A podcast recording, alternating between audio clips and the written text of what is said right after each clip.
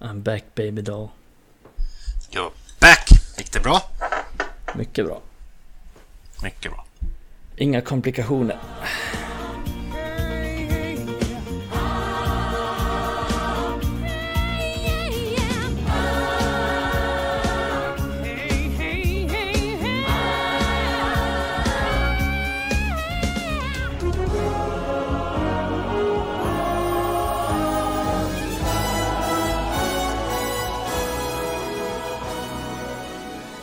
Då ska ni vara hjärtligt välkomna till eh, ett litet eh, specialavsnitt får vi väl eh, ta och kalla det av Red Army Sverige-podden.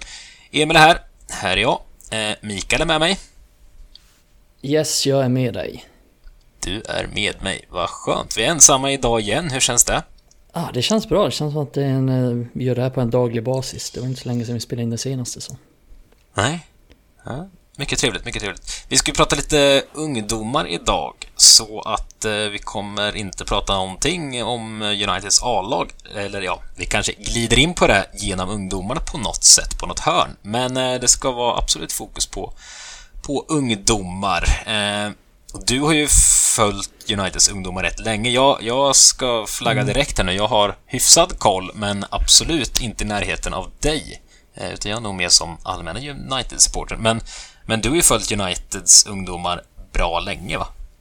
Ja, jag skulle vilja säga att jag har följt eh, i princip allting. Alltså sett nästan varenda match som har gått att se. De senaste kanske 10-12 åren. Eh, Hur kommer sig det från början? För det, alltså, gemene, gemene supporter sitter ju inte och glor igenom dem, liksom. Nej, men jag vet inte. Det är väl någonstans med att jag är Manchester United-nörd, helt enkelt. Läser om allting, ser, försöker se allting, ta reda på allting. Så det är väl någonstans där det börjar och så fastnade jag väldigt mycket för det. Kul att se liksom så här, Kul att se utvecklingen och se vad som kommer underifrån och Känns också lite Mm. speciellt med att man Känns som att man vet något som inte någon annan vet om du förstår vad jag menar. Att man Ja. har lite Man har någon slags edge där, man är med i någon Speciell liten grupp. En liten USP, eller vad heter det? Ja. Unique Selling Point, eller vad heter det? Ja, men lite så. Exakt. USP. ja.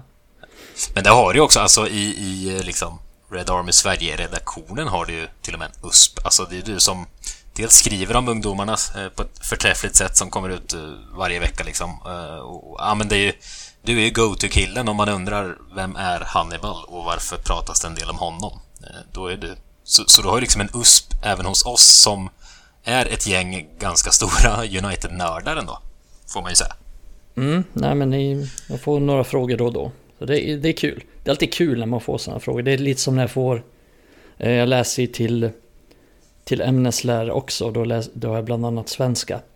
Eh, så det är lite som när jag får av mina, mina kompisar från, får en grammatikfråga eller något sånt. Mm. Då, då känner man, ah, äntligen. Älskar när ni Känner frågar man att man kan? Känner Ja, att man nej, kan men det, det är någonting? kul att man, när man får frågor om någonting man kan någonting om. Det håller jag med om. Men, eh, men bara för att inleda, vi, vi ska prata... Eh, ja, kan ju presentera lite upplägget vi tänkt här i alla fall. Eh, ungdomslagen, då pratar vi främst U18 och U23 som är de två ja, äldsta. Det finns ju liksom juniorlag sen också i United, men så, så riktigt så djupt ska vi inte dyka in rejält i alla fall. Eh, sen har vi lite... Ska vi diskutera lite akademin, akademin i allmänhet och avsluta med lyssnarfrågor. Det får jag säga, det har vi fått in så här bra frågor någonsin. Nej men du ser, det är direkt när de här fina personerna kommer med, med frågor, då blir det kvalitet. Ja, det är det. Jag såg det var någon, någon eh, skön följare som följer oss mycket, vet jag, som missuppfattade helt och hållet när du skrev att nu ska vi fråga om ungdomarna och han skrev någon fråga om, eh, om A-laget. Det slog vi ner. Jag kommer inte ihåg vilket namn det var nu, vi ska inte hänga ut honom. Men Nej, han är en eh, härlig, härlig följare i, i övrigt. En av Men, många eh, härliga följare.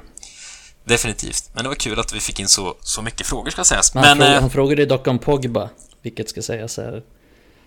I, Det är sant, ja, det. egentligen en, en akademiprodukt. Även om det var ett bra tag sedan. Ja, det har flutit mycket vatten under den bron sen dess kan man säga. Eh, Men eh, du, om vi bara ska börja lite stort innan vi går in på U18 och sätter tänderna i det. Vem, eh, om du ja, 10-15 år sa du att du har följt U-laget Mm. hyfsat nära så. Har du någon som är den bästa U-spelaren du sett i, i United? Oavsett om han blommar ut eller inte, tänker jag. Ja, eh, då skulle jag väl säga att det är Raven Morrison, Mason Greenwood och Paul Pogba. Och I den ordningen, i princip.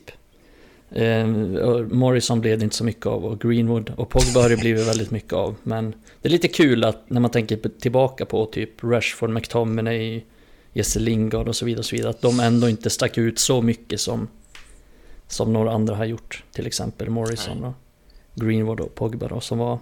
Alla de tre var otroligt jävla bra. Och Pogba och Morrison spelade ju faktiskt i samma lag också så...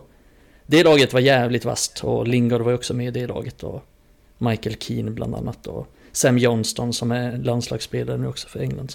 Många bra spelare där. Mm. Morrison kanske ska göra ett helt eget poddavsnitt om någon gång. Det, ja, det man en historia i sig den gubben. ja, jag ska skriva Men, någon artikel om honom när, när jag får lite mer tid över. Men jag har haft ja. den tanken länge. Ja, en fredagskrönika om honom hade varit väldigt spännande. Mm. Och ju, gjorde ett gästspel i, i, Sverige och allt möjligt har han gjort de senaste åren. Mm. Eh, jag såg honom någonstans. Det kanske vi inte ska avslöja nu. Är han inte i något Championship-lag eller något? Ja, han spelar i Derby. Så är det, just det. Eh, första gången det går ganska bra för honom. Ja, det är otroligt. Se fram emot den fredagskrönikan. Ja. Eh, får vi se när den dyker upp. Men eh, om vi ska börja med det, eh, det yngre av de två lagen, U18. Eh, om vi bara börjar liksom, vad, vad är status? Hur går det för laget? Mm, helt okej okay ändå. Alltså de började ju väldigt bedrövligt. Alltså det, man undrar om de hade Solskjaer som tränare eftersom de började med att förlora med 3-0 borta mot City och sen förlorade de 5-0 hemma mot Liverpool. Tänkte bara vad i helvete är det här för någonting? Eh, men det är faktiskt de två enda matcherna de har förlorat i ligan sen dess och det var de två inledande omgångarna. Eh, så nu ligger de tvåa och har gjort en ja, men väldigt överraskande comeback får man säga. Jag såg inte så mycket i deras lag i början utan det kändes ganska svalt och ganska tomt. Men eh, det är ett ungt lag med många oerfarna spelare som kom upp från U16. Eh, så det är få av de som spelar nu som har spelat förra året i U18 särskilt mycket. Eh, så de har verkligen hittat, hittat rätt och spelar bra just nu. Men hur är det på U18-nivå? Spelar de i någon serie, alltså motsvarande Premier League liksom, fast för, för U18? Eller hur funkar det? Vad, vad spelar de i för något? Eh, precis så. Sen finns det en, en, en söderserie och en norrserie som är liksom geografiskt uppdelat. Eh, men sen finns det ju så kallade högsta divisioner också så att man kan ju åka ur den och sådär.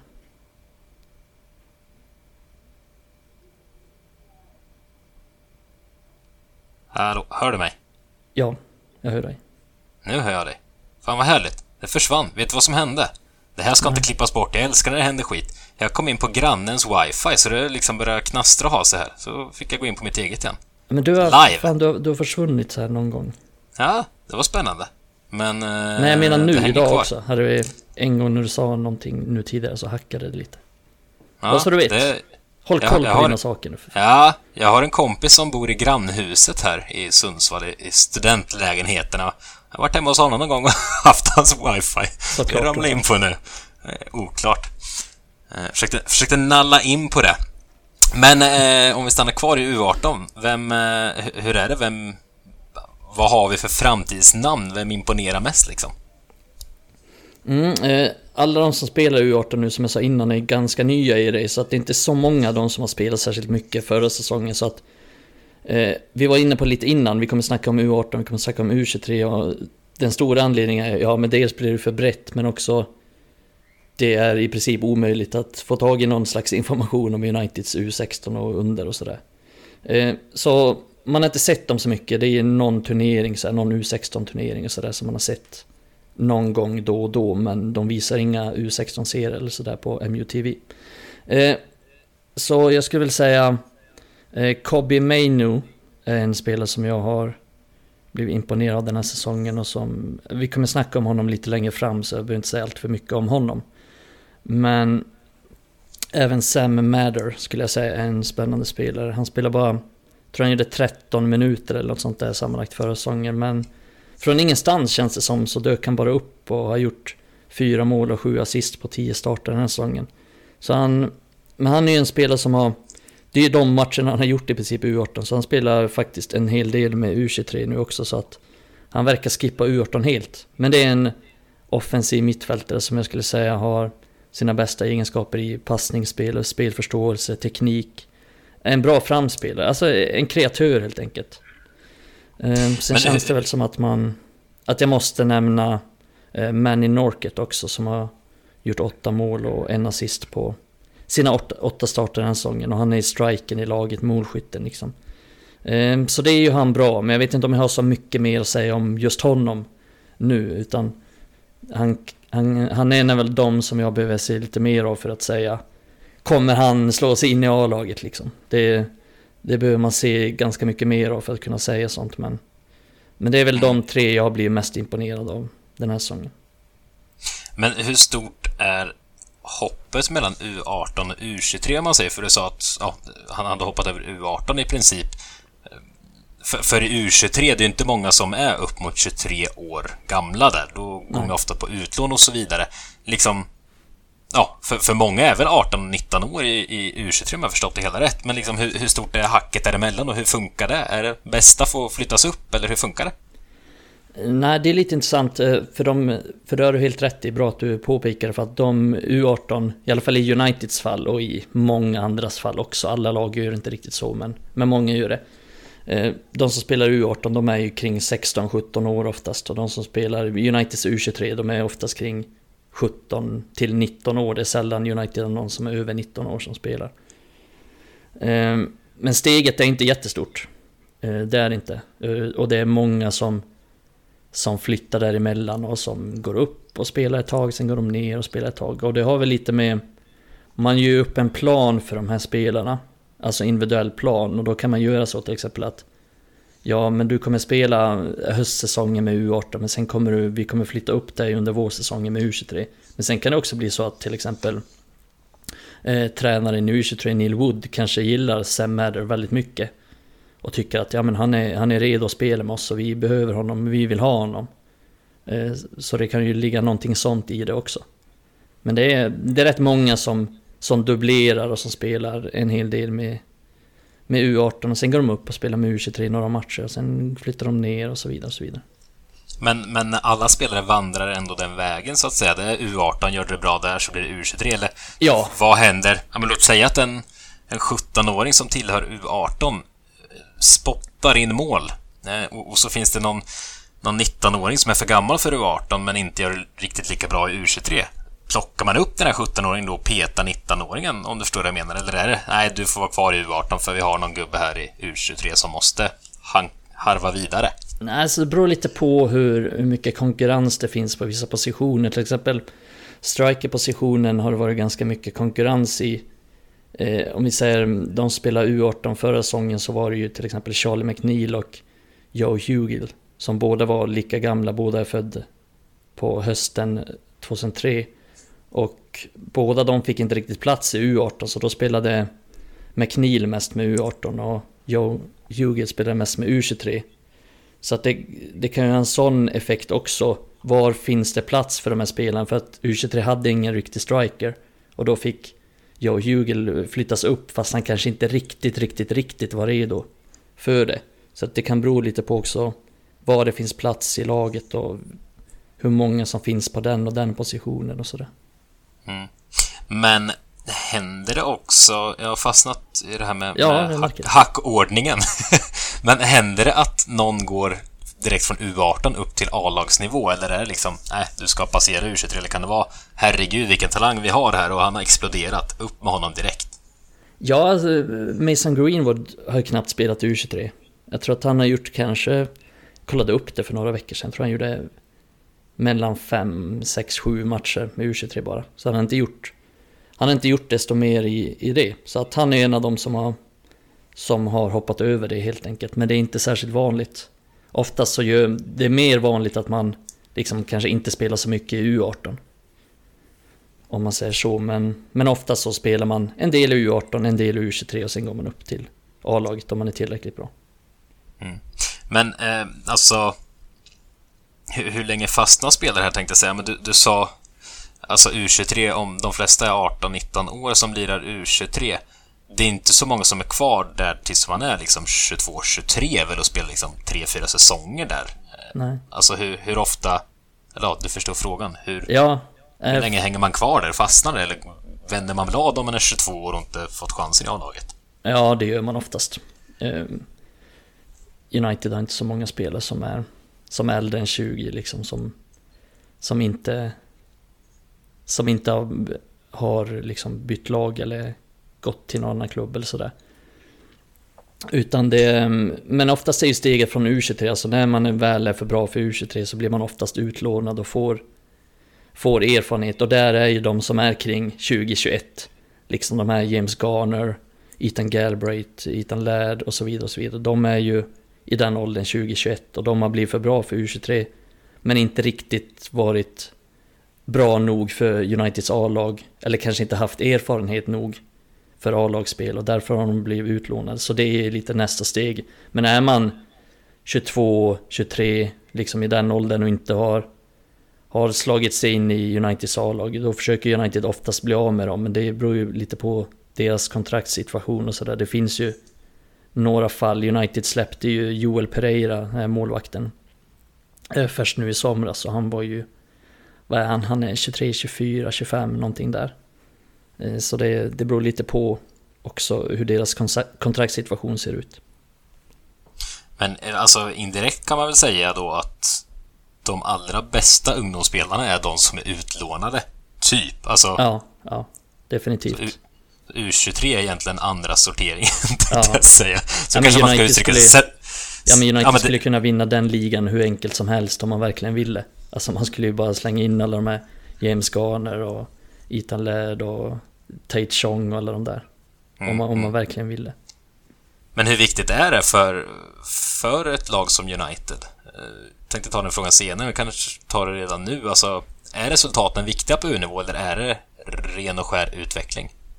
Nej, alltså det är ju både och skulle jag säga. I det stora hela, alltså det övergripande skulle jag inte säga att det är särskilt viktigt. Eh, om vi tänker, går tillbaka till Mason Greenwood eller Marcus Rashford så har inte de direkt vunnit någonting på ungdomsnivå. Men det har inte hindrat dem från att bli extremt bra spelare. Medan typ, vad ska man säga, Chris Eagles kanske vann massor av titlar. Men inte blev en jättebra fotbollsspelare relativt sett såklart. Han spelade ju flera, han gjorde ju säsonger i Premier League och spelade flera år i The Championship såklart att han var bra men han blev ju inte Greenwood eller Rashford bra. Trots att han har vunnit på ungdomsnivå så att eh, men jag tror ändå att det är bra att få, få in någon slags vinnarkultur och det skadar ju aldrig att vinna såklart men det viktiga är helt klart att producera bra spelare. Men det händer inte så, säg om Greenwood är väl ett extremexempel nu kanske eftersom han har blivit rätt viktig för A-laget. Men låt säga han har fortfarande åldern inne för U23 och, och A-laget framåt vårkanten har liksom inget att spela för. Händer det någonsin att man plockar ner en, en bättre spelare från A-truppen som platsar in i U23 bara för att vinna den, den ligan om, om man har chansen? Eller släpper man det helt och hållet? Nej. Eh, nej, det nu har inte United riktigt varit i den situationen på några år i alla fall, men det beror lite på tränare från tränare också. Till exempel ville van Gaal ville spela med ett ganska starkt lag i U23. Han tyckte det var viktigt att spelare som inte spelade på A-lagsnivå fick speltid. Vilket jag kan tycka är rätt bra. Men U23-nivå är ganska svag. Men Ole är ju inte alls så, utan de här Mat och de, de spelar ju ingenting med U23. Och skulle U23 ha chans på att vinna titeln? Nej, det skulle vara samma, samma spelare som alltid har spelat för... Jag skulle säga att United bryr sig extremt lite om man vinner, vinner U23-titeln eller inte. Och det tycker jag är helt rätt för att det är en rätt meningslös, meningslös serie och serien håller hyfsat låg klass ändå. Um, som jag var inne på innan så spelar egentligen bara så 17 till 19-åringar. Det är inte så att det är några 23-åringar där ändå. Och de som har 23-åringar, det är ju ofta är de här lagen typ som Blackburn Rovers rätt bra på U23-nivå för att de spelar sina bänkspelare. De kan spela spelare som är 23-24 år som inte riktigt har slagit sig in i deras A-trupp. Så att de brukar ha ganska starka lag. Ehm, men, Men- United den- spelar ju bara den typen av 17-åringar och de fortsätter med det oavsett hur det går. Ja, men du nämnde eh, Mata bland annat och, och du nämnde Blackburn är 23-24-åringar. Jag vet Phil Jones har gjort matcher där också nu när han kommit tillbaka. Hur funkar det? Är det ett visst antal äldre spelare man får ha, eller hur är det där? Mm. Eh, de gör om den här jävla serien så jävla ofta. Förut hette det ju reservlaget och sådär, så det är väl därför folk kan bli lite förvirrade kring det. Men nu heter den liksom, det heter väl Premier League 2, men det är liksom U23-fotboll och man får vara max 23 år, sen får man ha, eh, jag tror att det är tre överåriga spelare per match. Det är som eh, då... OS-fotbollen typ på här sidan. Vad sa du? Det är väl som OS-fotbollen i här ja, ja, men typ så. I, i princip så. Men um, United har ju som sagt nästan aldrig någon. Det är ju om, om de kommer tillbaka från skada så använder man det ibland. Som du sa så har Phil Jones gjort typ två matcher den här säsongen med U23 och Dean Henderson har gjort någon match också. Så det är, det är främst då om man, om man kommer tillbaks från någon typ av skada. Brandon Williams krävde ju att han, han, han sa ju till Ole liksom att han vill spela U23-fotboll. Eh, förra säsongen då när han inte fick spela någonting med A-laget. Så han spelade lite med, med U23. Annars så, så är det väldigt sällan någon. Williams är ju för sig under 23 också så att han var ingen dispens eller så men men är det för att nivån är så pass låg som du nämner i, i U23 framförallt då? Eh, för annars, rent spontant tänker man väl att man kan använda det som ett B-lag liksom och skicka ner ja, men Dalot och Telle som inte fått en enda chans i år. Kan inte de gå ner och få matchträning eller anser man att det är för dåligt? Det är bättre att de får träna liksom. Jag antar det. Eh, det är väl den anledningen. Men som sagt, olika tränare gör olika. Eh, Bielsa i Leeds till exempel, de spelar ofta med ett starkt lag, ofta med med B-spelare, alltså deras typ några bänkspelare då och då, lite, lite äldre lag. Så det, det, det kan skilja lite. Se Daniel vad... James nu då? Ja, alltså Daniel James kan dyka upp där nu. Nej men så det är lite beroende på vad, trä... alltså vad A-lagstränaren tycker helt enkelt. Mm. Eh, men om vi ska hugga, sätta tänderna lite mer i, i eh, själva U23, hur det går för dem nu då? Eh, det har varit lite lättare att följa dem också, kan jag tänka mig att det är, och lite närmare A-laget. Så hur ligger vi till där? Mm, lite som förväntat skulle jag säga, från min sida i alla fall. De var i mittenlag förra säsongen och det blir de nu ungefär något liknande nu. De ligger sexa nu, jag tror att det är 14 dagar, något sånt med. Eh, eh, så, ja de ligger ungefär som förväntat skulle jag säga, men det är... De är, de är lite upp och ner, alltså först vann de fyra raka matcher. Sen förlorade de mot West Ham med 6-0 helt plötsligt från ingenstans. Sen vann de mot Leeds i nästa omgång med 3-2. Så det är lite högt och lågt, men nästan alltid underhållande. Mm. Eh, men... Eh, vad tänkte jag säga? Alltså hur, hur, hur ser det ut där? Är det... Finns det spelare där som imponerar? För alltså U23 tänker jag, där, där har ändå de flesta lite koll på en del namn som kanske nämns i vissa sammanhang. Eh, men finns det någon eh, något väldigt okänt namn som presterar där och imponerar på dig? Ja, alltid svårt det här för mig när jag är insatt i det här. Vem är okänd? Men... Du tänker att alla är jättekända? Ja, det är precis det jag tänker. För jag tänker säga Alvaro Fernandes, som jag tycker har varit lagets bästa spelare. Eh, som vänsterback faktiskt. Eh, han kan dominera matcher som, som ytterback, vilket få andra spelare kan. Eh, väldigt begåvad, bra teknik, spelförståelse, kan dribbla, bra på att lösa situationer och har liksom en både en bra vänsterfot och en bra högerfot. Han har faktiskt gjort mål med båda fötterna den här säsongen och förra säsongen också. Eh, så han, har, han är en produktiv spelare eh, som ytterback och har gjort tre mål och tre assist på sina 15 matcher, så det är ett starkt facit. Han gillar inte försvarsspel dock. och är ganska lat. Låter bra. Men, men um, otroligt begåvad spelare och skulle United fortsätta med det här 3-5-2 som de gör i A-laget, då skulle jag säga att Fernandes på vänsterkanten och Ethan Laird på högerkanten är jävligt intressanta och bra alternativ för det, det spelsättet. Men jag brukar jämföra Fernandes med Marcus Alonso i Chelsea så man får en lite bättre bild.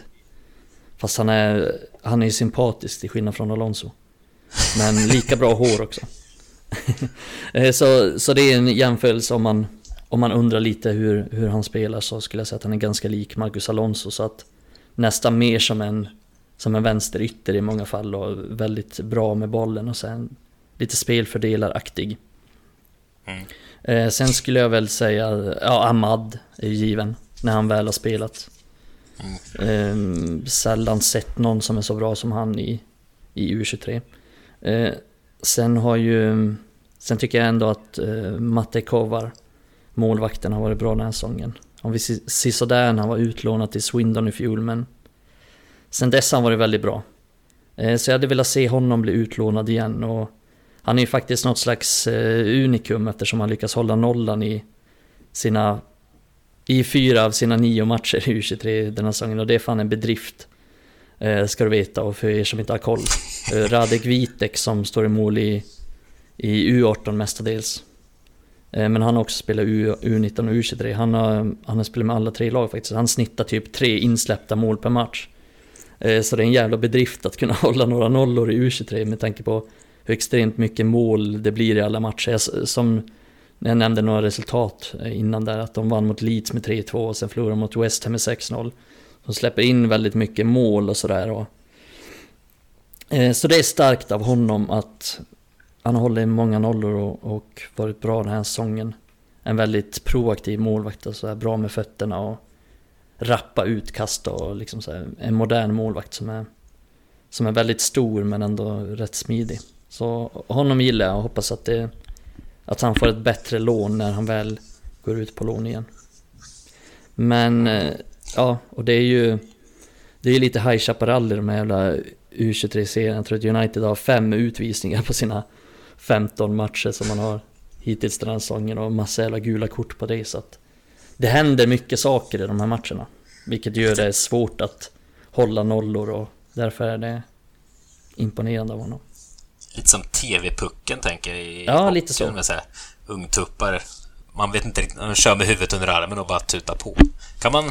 Det är charmigt att kolla på, det måste ju sägas. Mm. Det, eh, grejer. Men eh, du, bara för att gå tillbaka och prata om eh, Fernandes där och Ethan Laird som nu är utlånad ska sägas, eh, men att de skulle passa i en 3-5-2 eh, mm. som wingbacks.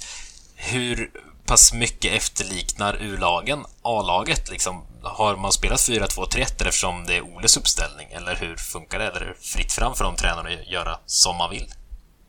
Jag vet faktiskt inte om de har någon så uttalad filosofi att alla ska spela 4-2-3. Ola har inte ens en uttalad filosofi för sitt eget lag.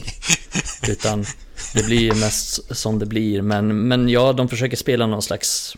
Oftast så spelar båda lagen 4-2-3-1. Men det händer ibland att beroende på vilka spelare de har tillgängliga så där att de spelar med en trebackslinje till exempel eller att de spelar med 4-3-3 mer eller någon gång också 4-4-2 så att de är, de är ganska flexibla men oftast 4-2-3-1 så att det är ungefär som med A-laget. Mm. Ehm, jag har fått nämna några spelare i U23. En spelare som eh, det pratats en hel del om tidigare och vi har också fått in två frågor om, om honom som vi kan beta av nu direkt kanske, det är Charlie McNeil. Eh, han ramlade in förra året och sparkade in bollar på löpande band om man säger så, men eh, har väl mm lugnat ner sig lite nu i målgörandet. Eh, Hannes Netinder skriver och frågar om eh, just McNeil och hans utveckling och undrar lite om bakgrunden, liksom hur han kom till klubben. Och Roger Johansson undrar, ja, han är också nyfiken på Charlie McNeil skriver han och vet att han läste något om honom förut och undrar om han fortfarande är en målmaskin. Det är han väl inte riktigt längre? Va? Vad, vad är status på honom egentligen? Nej, det är han väl inte. Han gjorde väl typ 25 mål förra säsongen och på 22 matcher eller något sånt i U18. Men den här säsongen så spelar jag mest med U23 och har väl gjort fyra mål hittills den här säsongen. Så, och då har han väl fått ändå hyfsad utdelning eh, med tanke på att han inte har varit särskilt bra den här säsongen. Men eh, ja, lite två olika frågor där men lite nyfiken på Charlie McNeil då. Ja, det är lite kul eftersom City gav ju inte honom något, han var ju City innan. Eller först, egentligen så var han i United innan. Um, han är United-fan och liksom när han var liten har han varit i United. Sen bytte han till City där när han var typ 13-14 år. Och det var ju under den tiden då många lämnade United för just City. Uh, City fick en lite så modern träningsanläggning och lite bättre träningsmöjligheter och sådär. Darren Fletcher och van Persis barn var ju till exempel i City snarare än i United. Eh, men sen kom Charlie McNeil tillbaka då förra säsongen och... Eh, ja, som vi sa, han har inte varit så bra hittills den här säsongen. Han har väl... Han har väl lite spelmässiga brister tycker jag. Han är inte särskilt snabb och kompenserar inte det med något slags targetspel eller någon särskilt bra teknik. Alltså om, om vi pratar teknik så är det säkert tio stycken som har bättre teknik än vad han har i, i bara U23-laget. Eh, så, men, nej, men jag tycker väl att han är en habil spelare, men mestadels en bra målskytt framförallt. Men han har inte hittat så många målchanser den här säsongen och när han inte gör det så bidrar han inte så mycket så i mitt tycke är han mest en bra målskytt. Och jag är väldigt osäker på om hans kvalitet räcker till på en högre nivå.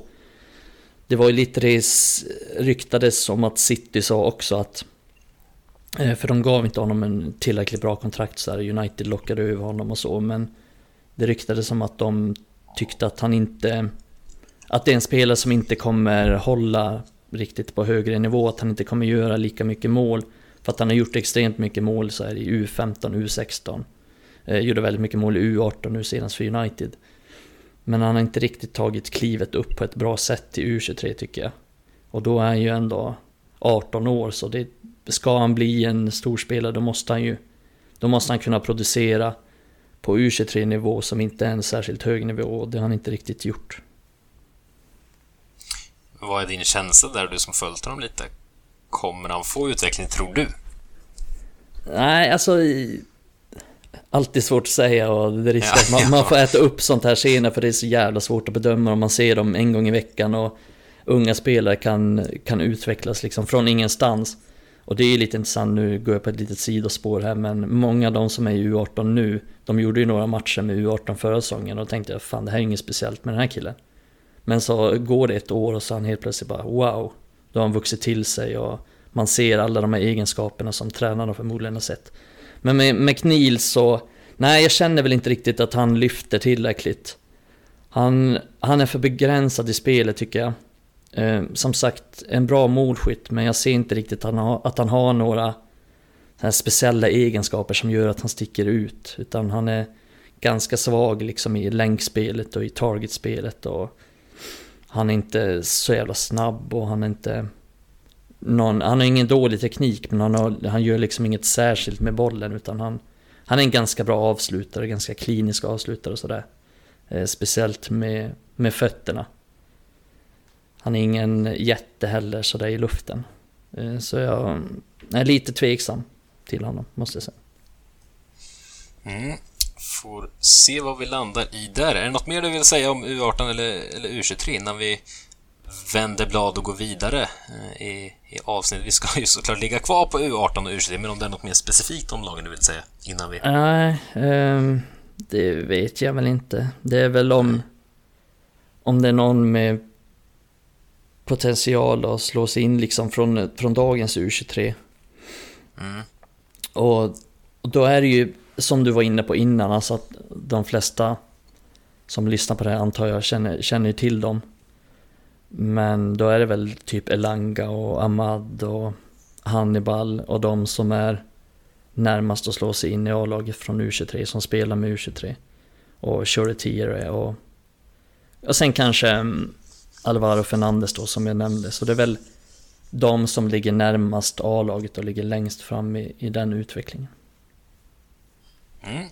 Spännande. Vi ska gå vidare med lite, lite övriga tankar och funderingar kring, eh, kring U-lagen och även eh, plocka ner alla lyssnarfrågor vi fått.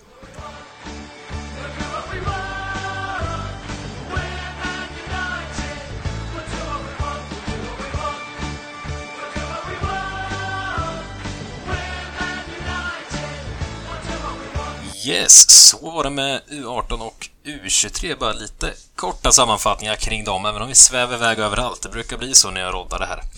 eh, jag är nog skyldig också. Men... Ja, men det, det är så det ska vara. Eh, vi har landat i att jag gillar den lite High Chaparral här. Hatar när det är uppstyrt. Eh, vi ska fortsätta prata om akademin såklart. Eh, och en sak jag tänkt inte på. Du sa att det heter ju Premier League 2 och allt vad det heter.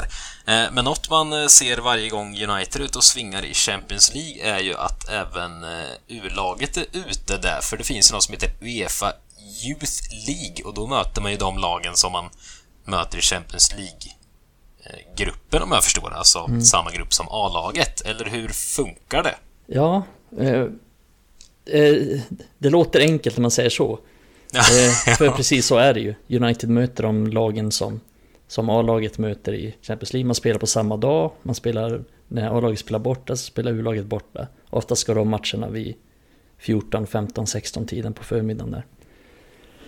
Eh, men turneringen är lite knepigare än så för att det är väldigt många lag som deltar och på lite olika villkor. Det är ju förutom liksom de här C-lagens seniorlag då Eh, så är det vinnare från olika länders U19-ligor till exempel. Eh, deltog Hammarby från Sverige förutom Malmö då.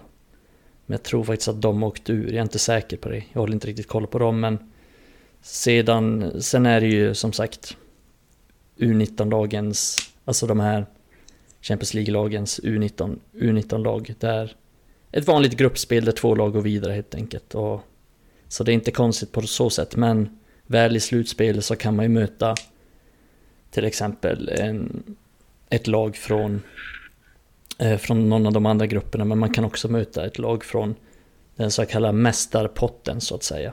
Där till exempel Hammarby deltog innan. Eh, så det är, det är en spännande turnering med många, många olika lag. United mötte ju Midtjylland för några år sedan. Match som jag var och kollade faktiskt på plats i, i, i Danmark då. Eh, och det, de var ju ett av de här mesta lagen då som, eh, som gick vidare. Men hur vass är United i, i den här världen då, så att säga? Är vi bland de bättre lagen, eller hur, hur står man sig? Ja, alltså det är lite... Så, ni som är uppmärksamma hör ju att det är en skillnad här, att det här är ju U19. Men i England så har man bara U18-lag och så har man U23. Eh, så det gör ju en liten skillnad, vilket gör att det kan vara sådana som spelar ihop som inte alltid riktigt gör det. Eh, så att det blir lite som ett toppat lag om man säger så. Där de United spelar såklart med de bästa möjliga som är som är tillgängliga och som får spela. Och gränsdragningen i Uefa Youth League det är ju att man ska vara född 2003 eller senare. Men man får också ha, jag tror att det är tre dispenser man får ha. Eh, som får vara födda 2002. United har registrerat eh, Elanga, Teden Mengi och sen en defensiv mittfältare som heter Martin Svederski. Eh, så United är ett ganska bra lag skulle jag säga. Och, och en hyfsad chans att vinna om alla de bästa är med. Och då är det ju spelare såklart som Mengi, Elanga, Hannibal som jag tänker på. Det är väl de tre nyckelspelarna och tillsammans med Shoretier också men Ingen av de här, alltså Mengi, Elanga och Hannibal, ingen av dem har ju spelat särskilt mycket hittills i turneringen. Elanga har ju bara gjort en match och Hannibal har inte gjort en enda tror jag.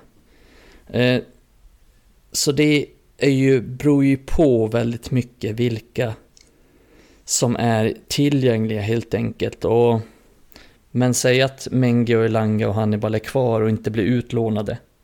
Vilket jag ändå misstänker att Elanga och Mengi framförallt kan bli i januari. Eh, så kommer de säkert spela mer och mer i slutspelet. Och, för United är redan vidare, ska sägas. United är redan klara vidare tillsammans med, med Villarreal. Så det är bara om man vinner gruppen eller inte eh, och spela för. Trots att det är två matcher kvar. Så de har, de har börjat ganska bra trots att inte alla de bästa har varit med. Men är alla de bästa med så tror jag att United har en, har en bra chans att vinna hela turneringen. Det är alltid svårt att säga för det är, det är väldigt många lag med och det är väldigt många matcher man måste vinna för att ta sig hela vägen. Men eh, jag skulle tro att United har en bra chans men då måste de bästa spelarna vara med.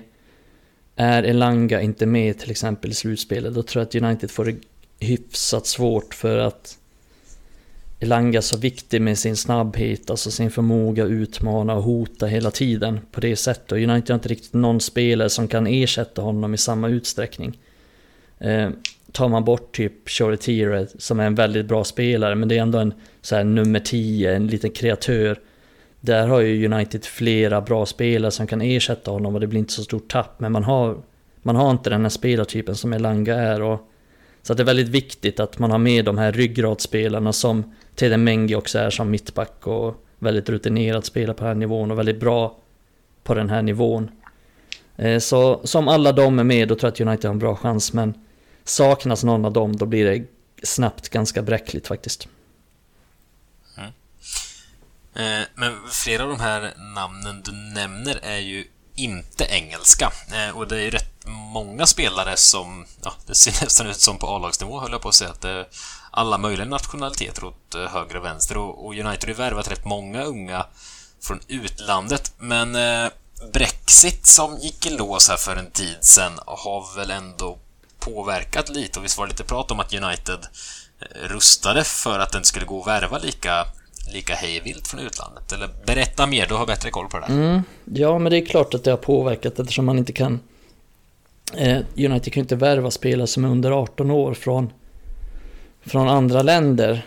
Eh, och historiskt och framförallt de senaste säsongerna, säg de senaste fem åren, så har United värvat extremt många, många spelare från utlandet och framförallt länder då som Spanien och Frankrike. Eh, med Hannibal till exempel, så, som ett exempel där. Och, och kollar vi på U23 nu så är ju ungefär 60% av truppen utlänningar. Så att det är en väldigt stor del man har haft som, ja, helt enkelt som man har värvat in som 15-16-åringar. Och det, den möjligheten har man inte längre. Och det ser vi ett ganska bra resultat av i U18 där ungefär 20% är utlänningar just nu. Eh, och då är det oftast de som är lite äldre i den truppen. Så att nästan alla, jag tror att det var i senaste U18-matchen så, så var, ja, spelade United med 10 engelsmän i startelvan. Vilket inte alltid har hört till vanligheterna i U18 och U23 de senaste åren. Eh, så det har påverkat eh, väldigt mycket skulle jag säga, extremt mycket. Mer än vad det har, har snackats om. Och det har ju också resulterat i, skulle jag säga, liksom en snöbollseffekt att United och, andra klubbar då, andra större klubbar då, eh, värva spelare tidigt från andra lag i England då, i mycket högre utsträckning. United köpte till exempel tre U15-spelare från Derby förra säsongen. Så att det är det resultatet har blivit av, av Brexit. Och det, det har påverkat Uniteds akademi mycket och kommer att göra det i, i framtiden också. Till det, till det, det mer negativa skulle jag säga. Men, men det lär landa i om ett par år när de här som är i U23 nu liksom är utfasade eller gått vidare. Det lär landa i att det är en väldigt stor del engelsmän även i U23 då, mm. gissar jag. Eftersom mm. eh, det går att värva. Ja. Så man kan glömma att bli ungdomsproffs i England nu. Ja, eh, jag har försvårat möjligheten. Visa mig drömmen, ge upp! Ge upp drömmen nu. Nej, och eh, vad skulle jag säga att... Ja, det har ju påverkat väldigt mycket, men det kan ju bli så här, United har ju förstås kollat på lite alternativ, och hur kan man göra? Och det finns ju redan klubbar som har den här typen av samarbete med andra klubbar. Att, nu kommer jag inte på något exempel på rak arm här, men att City har ju några sådana här klubbar där man har samarbete och klubbar man äger och, och sådär. Så man kan mm. plocka unga spelare till de lagen, köpa in spelare till de lagen, 16-åringar, 17-åringar, låter dem spela där två år. Sen tar man över dem till sitt lag när de är 18. Eh, så jag vet att United har kollat på den här möjligheten tidigare så hade man ju ett samarbete med Royal Antwerp i Belgien. Så det är väl den typen av, av klubb man kommer försöka hitta något samarbete med Tänker jag. Nu har inte United gjort det än. Jag trodde att de skulle göra det faktiskt men... Vi får se vad som händer där. Det kanske är på gång. Mm. Eh, vi har varit inne och touchat också, ska sägas, eh, på att många blir utlånade, framförallt i U23-åldern, så att säga. Hur, hur ser det ut på den fronten? Jag vet, vi pratade om det för några ett gäng avsnitt sen också, men hur går det för alla alla lånespelare. Har vi någon, någon latest update där? Mm, ja men det går väldigt generellt bra skulle jag säga. Det är väl egentligen bara eh, Will Fish i Stockport och Demane Mello som är i Salford som knappt får spela. Eh, oklart varför. Mello har väl varit skadad mycket och jag vet inte riktigt varför Will Fish inte platsar. Men han är sällan med i truppen och oftast när han väl är det så sitter han på bänken hela matchen. Eh, men eh, överlag har det gått bra så det är egentligen bara de två som inte får någon speltid alls egentligen överhuvudtaget. Men Fish tränar ju med United och sådär också. Eftersom han är i Stockport som, som ligger i Manchester. Så att det har man väl kanske räknat med och det är väl inte en så stor grej egentligen. Förutom att han inte får spela matcher. Men Reese Divine får väl medel mycket speltid skulle jag säga. Eh, spelar då och då, har väl gjort kring 500-600 minuter den här säsongen. Eh, så det är ändå någonting. Men, men resten är väl mer eller mindre ordinarie. Eh, och får väldigt mycket speltid av alla andra. Så att det är ändå 10, 11, 12 stycken som, som får spela väldigt mycket och får spela vecka ut och vecka in. De som imponerar mest är väl... Det är väl egentligen Chong, Tate Chong som förvisso nu är skadad Fan vad otur han har där. Han, ska, han skadade mm. sig, blir borta i 4-5 månader men... Mm, ganska allvarligt. Ja, eh, väldigt tråkigt. Han har ju haft en eh, korsbandsskada innan. Eh, för några år sedan i akademin. Nu har han inte det, nu var det någon annan skada men... Men ändå, tråkigt att han är, att han är borta länge och han har ju varit väldigt bra den här säsongen i, i Birmingham. Eh, och sen är det ju Ethan Laird som jag snackar om hela tiden. Tyvärr, jag kan inte sluta. Men Eh, han dominerar sin kant i Swansea totalt. Fyra assist hittills har han gjort på 13 matcher och 5 nollor dessutom. Och då tycker jag att han har fått ganska dålig poängutdelning och det tror jag att han själv håller med om också. Eh, han skapar ju flest chanser i, i hela laget. Som han spelar wingback då. Ehm, så han är en av dem som, som gör det väldigt bra och många gör det bra överlag. Ethan Galbraith imponerar ganska mycket. Doncaster har en nyckelroll på deras mittfält. Gjort både mål och assist hittills. Tar alla fasta situationer, vilket även Dylan Levitt gör i Dundee United och delvis James Garner i Nottingham när han spelar. Eh, han är inte riktigt, riktigt blivit ordinarie under den nya tränaren, men han får spela ganska mycket ändå, för de har ju oftast så här, två matcher i veckan. Så, så han spelar en hel del, han, nästan varje match så får han någon form av speltid. Och Sen har ju Andreas Pereira, vår älskling, varit bra i, i Flamengo i Brasilien då, men... Ja. Men nu ska vi prata ungdomar så han får inte vara med. Ja, han fyller, han fyller 26 i januari så att det känns som att det tåget har gått. Ja, Mm. Ja, så det är väl... Hänger kvar. Det är väl dem, men det är ju det är en omfattande process där. United har ju en lånmanager som dels hjälper till att, att hitta rätt klubb för de här spelarna men också följer upp alla spelare. Eh, Les Perry eller något sånt tror jag att han heter. Eh, så de gör ganska mycket jobb där kring, kring de här utlåningarna. Då de, liksom så här, de pratar med tränarna i låneklubben, de ser matcherna. De vill få tillgång till videos och mm, de vill, de vill också få tillgång till att se till att se själva träningarna. Eh, United godkänner inte alla klubbar om de inte får möjlighet att se de här till exempel träningar eller får möjlighet att ringa till, till tränarna i de här lagen. Och, och sen sitter han då, Les Perry, väldigt ofta med, med de här spelarna och gör analyser efter matcherna och, och pratar med dem och pratar med tränarna och liksom ser matcherna. Ganska mycket mm, formativ feedback tänker jag förlåt för lärartermen, formativ feedback det är helt enkelt alltså när man ger återkoppling under processens gång. Alltså inte, inte bara liksom så efter säsongen, jaha hur har det gått? Utan man ger hela tiden eh, den typen av återkoppling och feedback efter varje match och sådär. Så det är en väldigt omfattande process det här med, med, eh, med utlåningen och det är en ganska ny roll det här också så att det har inte alltid funnits. Det finns många ungdomsspelare som har uttalat sig om att när de spelade i United för kanske bara 5, 6, 7, 8, 10 år sedan Ja, då fanns inte den här typen av lånmänniskor så då slängdes de ut till vargarna liksom. De blev utlånade till något lag. Ja, men det känns bra. Och så är de där och så träffar de kanske inte sin familj någonting och de träffar inte någon de känner och det går kanske piss och man får liksom ingen, ingen riktig återkoppling till, till Manchester United, till klubben, utan man, man, blir, man blir utslängd dit och får klara sig själv lite. Eh, det vet jag att när eh, Aidan Barlow, som nu är i Doncaster faktiskt, precis som Ethan Galbraith är utlånad till.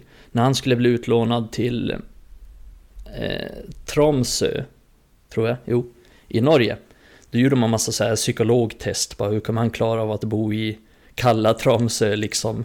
Det är ju väldigt, väldigt olikt från England ändå.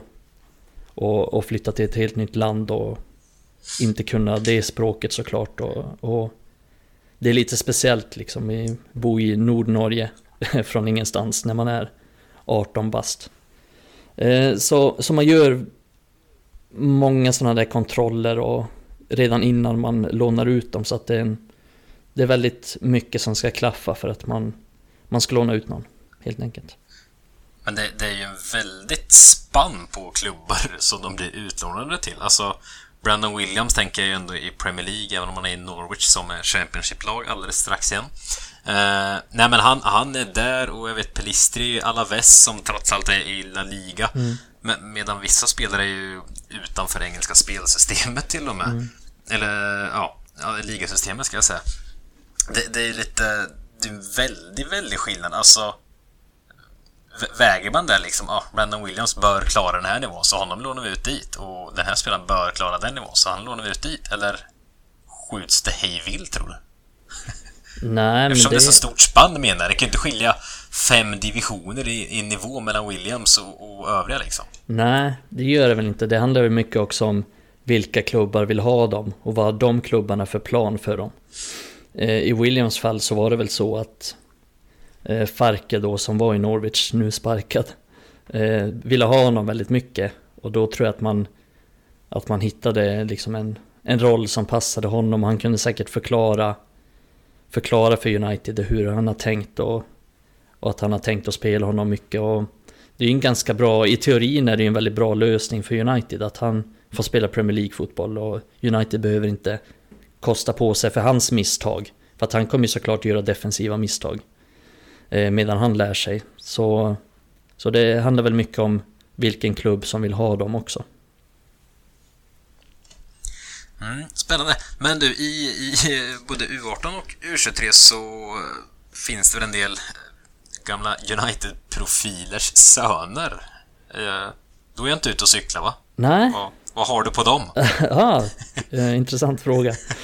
Ja, det, det, det, finns det ju. Eh, som jag, som jag sa innan, United ger ju ingen riktig information om lagen under U18 och så. Det är inte så att de har spelarprofiler för U12-spelare så, men, men både Ronaldo och Rooneys söner spelar ju med Uniteds U12 och eh, Kai Rooney då, som han heter. Jag kommer ihåg när han var på, du vet när United vann ligan och så skulle han sparka in någon boll så här på Old Trafford. Du vet Rooney, Rooney hade honom i famnen. Och så satte han ner honom och så skulle han sparka in någon boll och så bara sket han i Han ville inte sparka på den bollen, men han gick och gjorde något annat. Så Rooney försökte så här flera gånger få honom att, att göra det. Eh, utan, att, utan att lyckas, så till slut tog Rooney bollen och bara sparkade in den själv. Eh, men det verkar inte vara något problem nu, för att eh, Kai spelar med Uniteds U12 och gjorde faktiskt... Eh, när United mötte Liverpool för några veckor sedan så, gjorde, så förlorade United med 5-4, men Kai Rooney gjorde alla fyra mål. Mot Liverpool. Det är, det är lite spännande. Han hatar scousers, precis som sin far. Eh, det hade varit mäktigt om en sån kille ramlar upp i, i A-laget ja, om säg 7-8 år och liksom blir bärande spelare. Eh, otroligt. Han gåshud. Ja, Ronaldos son spelar också i samma lag. Eh, som Rooneys son då. Så att det blir en, mm. en, en fin, ett fint radarpar. Sen har vi ju eh, kanske mer aktuellt att snacka om faktiskt, men som det inte snackas om så mycket, det är ju att eh, Ryan Giggs son som heter Zach Giggs eh, spelar med Uniteds U16. Han gjorde faktiskt debut med U18 nyligen. Eh, han var en av de som jag såg, eh, United var med i en så här U16-turnering, ett av få liksom så här som man kan följa det om de åker på någon turnering där själva turneringen sänder matcherna. Så då åkte de till någon turnering, jag kommer inte riktigt ihåg om det var, det var på Nordirland eller Irland eller något sånt. En U16-turnering och då spelade Zack Giggs, han spelar vänsterback faktiskt då, men han är högerfotad, kvick, såg ut som att han jagade en pappersbit i, vind, i vinden som Fergie, Fergie beskrev eh, pappa Ryan för typ 35 år sedan nu. Um, sen uh, tror jag att Darren Fletcher har en son som spelar i något av de yngre lagen också. Inte riktigt säker där, vilket lag det är eller så, men... Eh, sen hade ju Phil Neville hade ju sin son, men han lämnade United nyligen. Eh, och gick till eh, Inter Miami, precis som, som Phil är tränare för också så. Eh, men sen finns ju... Beckhams lag. Vad sa du? Får man väl kalla det. Beckhams ja, Beck, det är Beckham som äger det så. Ja, eh, sen finns det ju Robbie Savage son Charlie Savage som spelar med United. Mm, han är väl lite äldre va? Ja, han spelar med Uniteds eh, U23 nu. Men han är ju... Mm. Han är född 2003. Mm. Eh, så det är en... Han, han är ganska bra. Han är ändå mer eller mindre ordinarie i U23. Även om jag inte tycker att han är exceptionellt bra så är han en bra spelare. Eh, sen gillar jag honom också för att han är... Nej men han är härlig, vänsterfotad, bra flair. Bra hår också. Precis som sin pappa. Sen Sen kallade han mig bro, jag hade lite kontakt med honom på, på Instagram. så skrev han bara 'Thanks bro' um, Vilket är en av mina största meriter än idag. Så jag gillar Charlie Savage efter det. Uh, ja. Sen finns ju... Rimligt. Ja, mycket rimligt. Thanks bro. Hey bro, skulle han ha sagt. Hey bro. Hey bro. Uh, sen finns ju Richie Wellens. Som en, jag vet jag tror inte han gjorde någon A-lagsmatch, Richie Wellens, men... Ja, det kanske han gjorde ute på tunn is här nu, men han... Han, är, han var i alla fall ungdomsproffs i United under en lång tid där för väldigt länge sedan. Och hans son spelar med, med U23 nu också, som heter... Som heter Charlie Wellens då. Um, så det är väl de jag kommer på. Richie Wellens är för övrigt tränare i Doncaster så att det var han som ville ha Ethan Galbraith till. Så att det finns lite United-koppling där. Han har flera United, gamla före detta United-spelare i, i sin trupp då. Eh, Aidan Barlow mm. som jag nämnde men också eh, Rushan Williams som har... Plus någon till också. Som jag inte kommer på just nu men... Eh, så det, det finns, de finns lite utspridda lite överallt. Så det är väl de jag kommer okay. på i, i akademin som har sina, haft sina fader. Kan ju dyka upp någon framöver i alla fall eh, som lyckas skapligt kan vi hoppas. Ja, det, det vore kul. märker vi. Ja, det märker vi längre fram. Eh, en annan fråga jag funderade på. Eh, inne mitt fältet har vi pratat rätt mycket om i A-laget. Eh, under säsongen och det är ju en stor diskussionspunkt. Många tycker inte att Fred McTominay håller och vi har Matic där bakom. Van de Beek får inte vara med, eller ja, om han nu ska räknas in som innermittfältare. Eh, alltså, vad, vad, finns det några potentiella innermittfältare som kan slås in i A-laget här, tror du? Och där har jag också fått in en fråga från Jimmy Henriksson Eh, som undrar specifikt om James Garner, hur stor chans han har. Han är ju visserligen på lån nu, men eh, tror du han eller någon annan kan bli en etablerad mittfältare i, United innan? Den närmsta framtiden? Jo, men det, det, skulle jag absolut säga, för jag tycker att det är en av de starkaste positionerna i, i ungdomslagen nu och då tycker jag att eh, Hannibal är det givna alternativet. Eh, som jag tycker borde redan vara en del av A-laget. Eh, han är otroligt mångsidig som mittfältare, kan spela som nummer 10, kan spela som nummer 8, till och med som nummer 6 på mittfältet. Så jag gillar honom mycket. Jag gillar när han spelar djupt också, ligger djupt i banan. Han är inte särskilt bra defensivt, men lite som Scholes på slutet av Scholes karriär, att han kan styra matcher på ett, på ett så bra sätt att han nästan måste vara där. Eh, så jag tycker att Hannibal har världsklasspotential. Han är så, han är så bra på så otroligt mycket och snudd på en komplett mittfältare. Alltså han kan göra allting på mittfältet. Han kan spela i alla roller. Och att han varit kvar i, i Monaco eller typ i Dortmund så hade han, tror jag, spelat redan typ så 40-50 matcher för dem. För de klubbarna. För så bra är han. Han har liksom alla de här, de här egenskaperna och han är ändå rätt så stor, alltså rätt så lång och har börjat bygga på sig mer. Och mm, liksom han är bra i det långa passningsspelet, han är bra i det korta passningsspelet. Han kan styra matchen och har den förmågan, vilket inte så många har. Eh, sen är han ju också en, en väldigt drivig spelare som som är stark i duellerna och jobbar väldigt hårt hela tiden och, och kan slå de här avgörande passningarna men också lugna ner det när det behövs. Sen är han ju också en, ja, men en spelare som kan dribbla på mittfältet, vilket jag, jag älskar sådana spelare och det gör så jävla mycket. Kommer du ihåg Dembele i Spurs? Den jävla Moussa mm. Dembele på mittfältet. Så jävla viktigt när en spelare kan göra sin gubbe på mittfältet och liksom bryta sig loss. Och, och den typen av saker kan Hannibal också göra så att han... Eh, är... han gör mål, han gör assist och han gör andra assist och... Han är en komplett mittfältare som jag hade hoppats på skulle få chansen den här säsongen. Han har förvisso varit skadad lite men... Det verkar inte hända så mycket där. Det låter som du ser Hannibal före Garner nästan i ja, gud ja. Eller? Gud ja. Lätt. Gar Garner vill inte ens prata om. Han är ändå i Championship med ja. Utlånad. Hannibal kommer aldrig spela i Championship. Skulle vägra. Ja, det, nej det tror jag inte han skulle men jag tror inte United skulle låna ut honom. Han är en sån typisk spelare, typ som Greenwood som Som går direkt från Från uh, U-lagen till, in till A-laget. Det säger ju ändå någonting så här när man blir utlånad. Inte för att räkna ut de spelarna, det vill jag verkligen inte göra, men, men det säger ju ändå någonting om att man är kanske inte riktigt den här super super talangen oftast om man blir utlånad.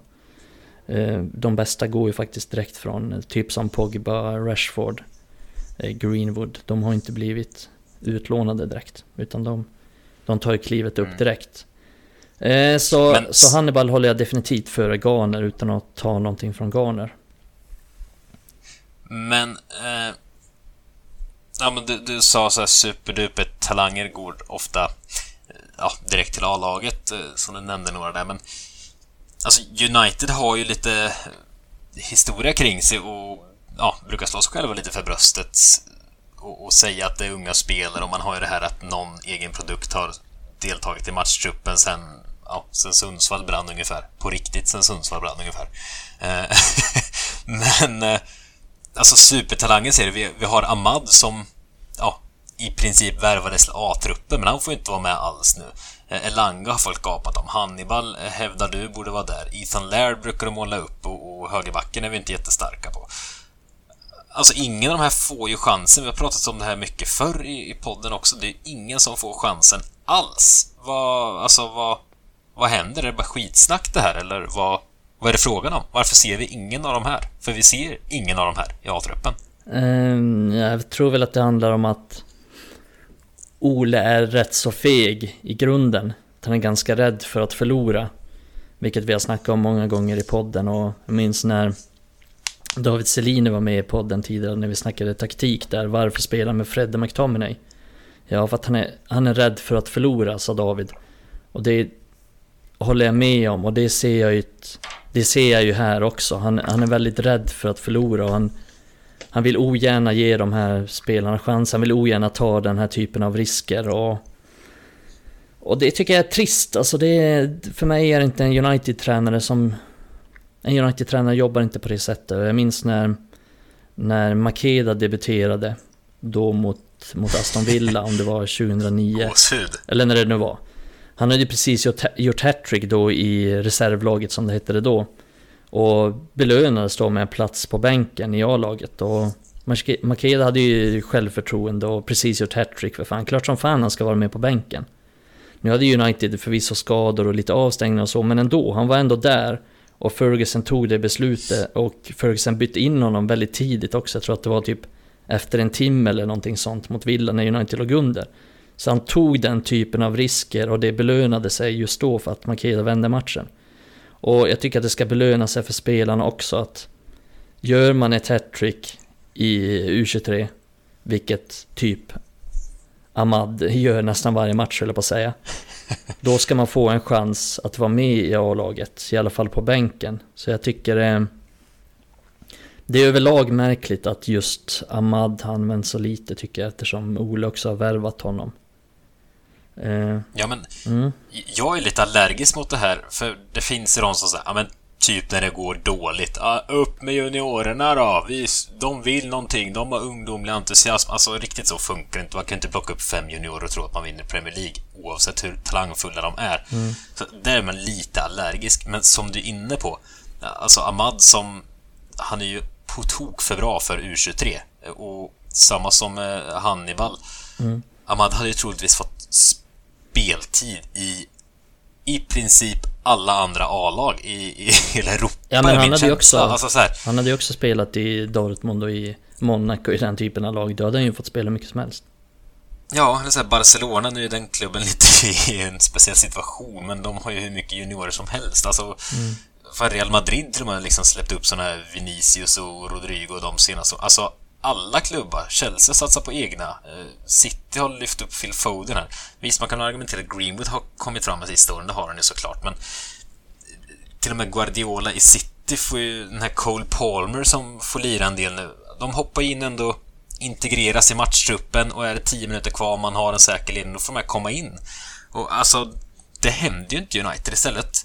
Man värvar Ahmad, man har Elanga sen tidigare, man värvar Pelistri. Lika fan ska man skicka på en miljard ungefär för, för att värva Sancho. Nu har den värvningen gått som det gått, men det, jag vet inte, jag tycker det rimmar lite illa hos mig det, ja, med det som vi är inne på, mm. att United säger sig ha den filosofin att eh, det här med youth, att de ska få chansen och så vidare, men det händer ju inte. Det är ju fullständigt bisarrt att, ja, ja det händer ju att det är som det är, tycker jag. Det är så märkligt. Alltså, så värvning av Sancho, jätteduktig fotbollsspelare i grund och botten. Man ska väl inte slå ner på den än, även om det sett inte jättebra ut. Men jag vet att jag var inne på det typ i somras i något avsnitt, eller innan sommaren, att jag tycker det är orimligt att värva Sancho när man arbetat som man gjort innan och värvat in de här Amadron. Varför ska inte han få chansen? Ja, jag fattar faktiskt inte riktigt. Ja, det... Hur ska man då få de här spelarna att komma upp i A-lagsnivån och ta det steget? Är det inte risk att de liksom fastnar om de inte får chansen? Och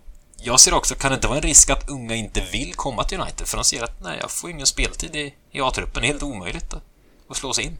Ja, nej men det är ju det är ju dålig planering av truppen och ett ganska svagt truppbygge ändå. Eftersom man har en obalans i truppen, väldigt många på samma positioner. Precis som du nämner så har man ju Ahmad och Elanga och Pelistri och Sancho och Rashford och Greenwood och man har alla de spelarna på princip... Och du missar ett par stycken Ja, ja, gud ja. Det är ju många som helst alltså. typ. Men Mata ska ju in i leken där också. Eh, så det Nej, finns ju väldigt många som konkurrerar om samma positioner och det är dåligt truppbygge för det... Han, han har ju hellre Mata på bänken än han har Ahmad till exempel och...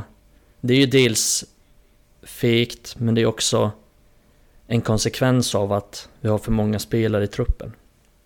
Eh, så det är lite trist och när man snackar liksom eh, mittfälten så finns det ju så många Nu nämnde ju bara Hannibal men det finns ju liksom så många Så många bra unga mittfältare i klubben också som kan Som skulle kunna ta steget upp, inte kanske riktigt den här säsongen men Men i framtiden och som man skulle kunna ge ett litet smakprov på istället för att ha massa dödkött som inte riktigt håller måttet.